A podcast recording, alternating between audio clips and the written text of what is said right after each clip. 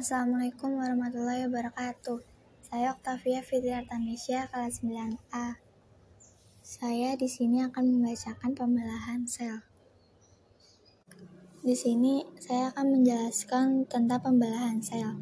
Dari pengertian pembelahan sel. Pembelahan sel adalah proses yang membagi satu sel untuk menjadi dua sel anak atau lebih.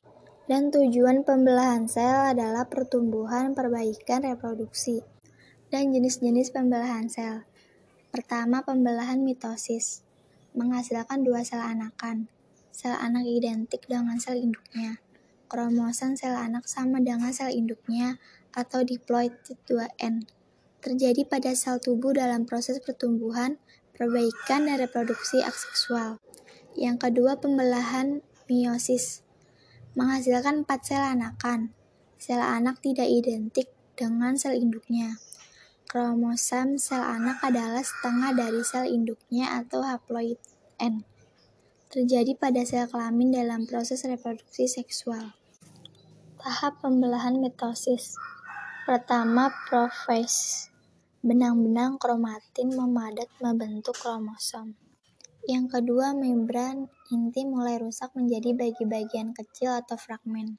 Yang ketiga, terbentuk gelondong pemisahan atau benang spindel. Dan metafase. Metafase adalah kromosom berjajar pada bidang pembelahan dan stromosom telah berada di kutub. Tahap pembelahan meiosis. 1. Kromatin memadat menjadi kromosom. Terjadi pindah silang membran inti berubah menjadi bagian kecil fragmen. Yang kedua adalah metafase 1. Kromosom berjejer pada bidang pembelahan. Sentrosom telah berada di kutub.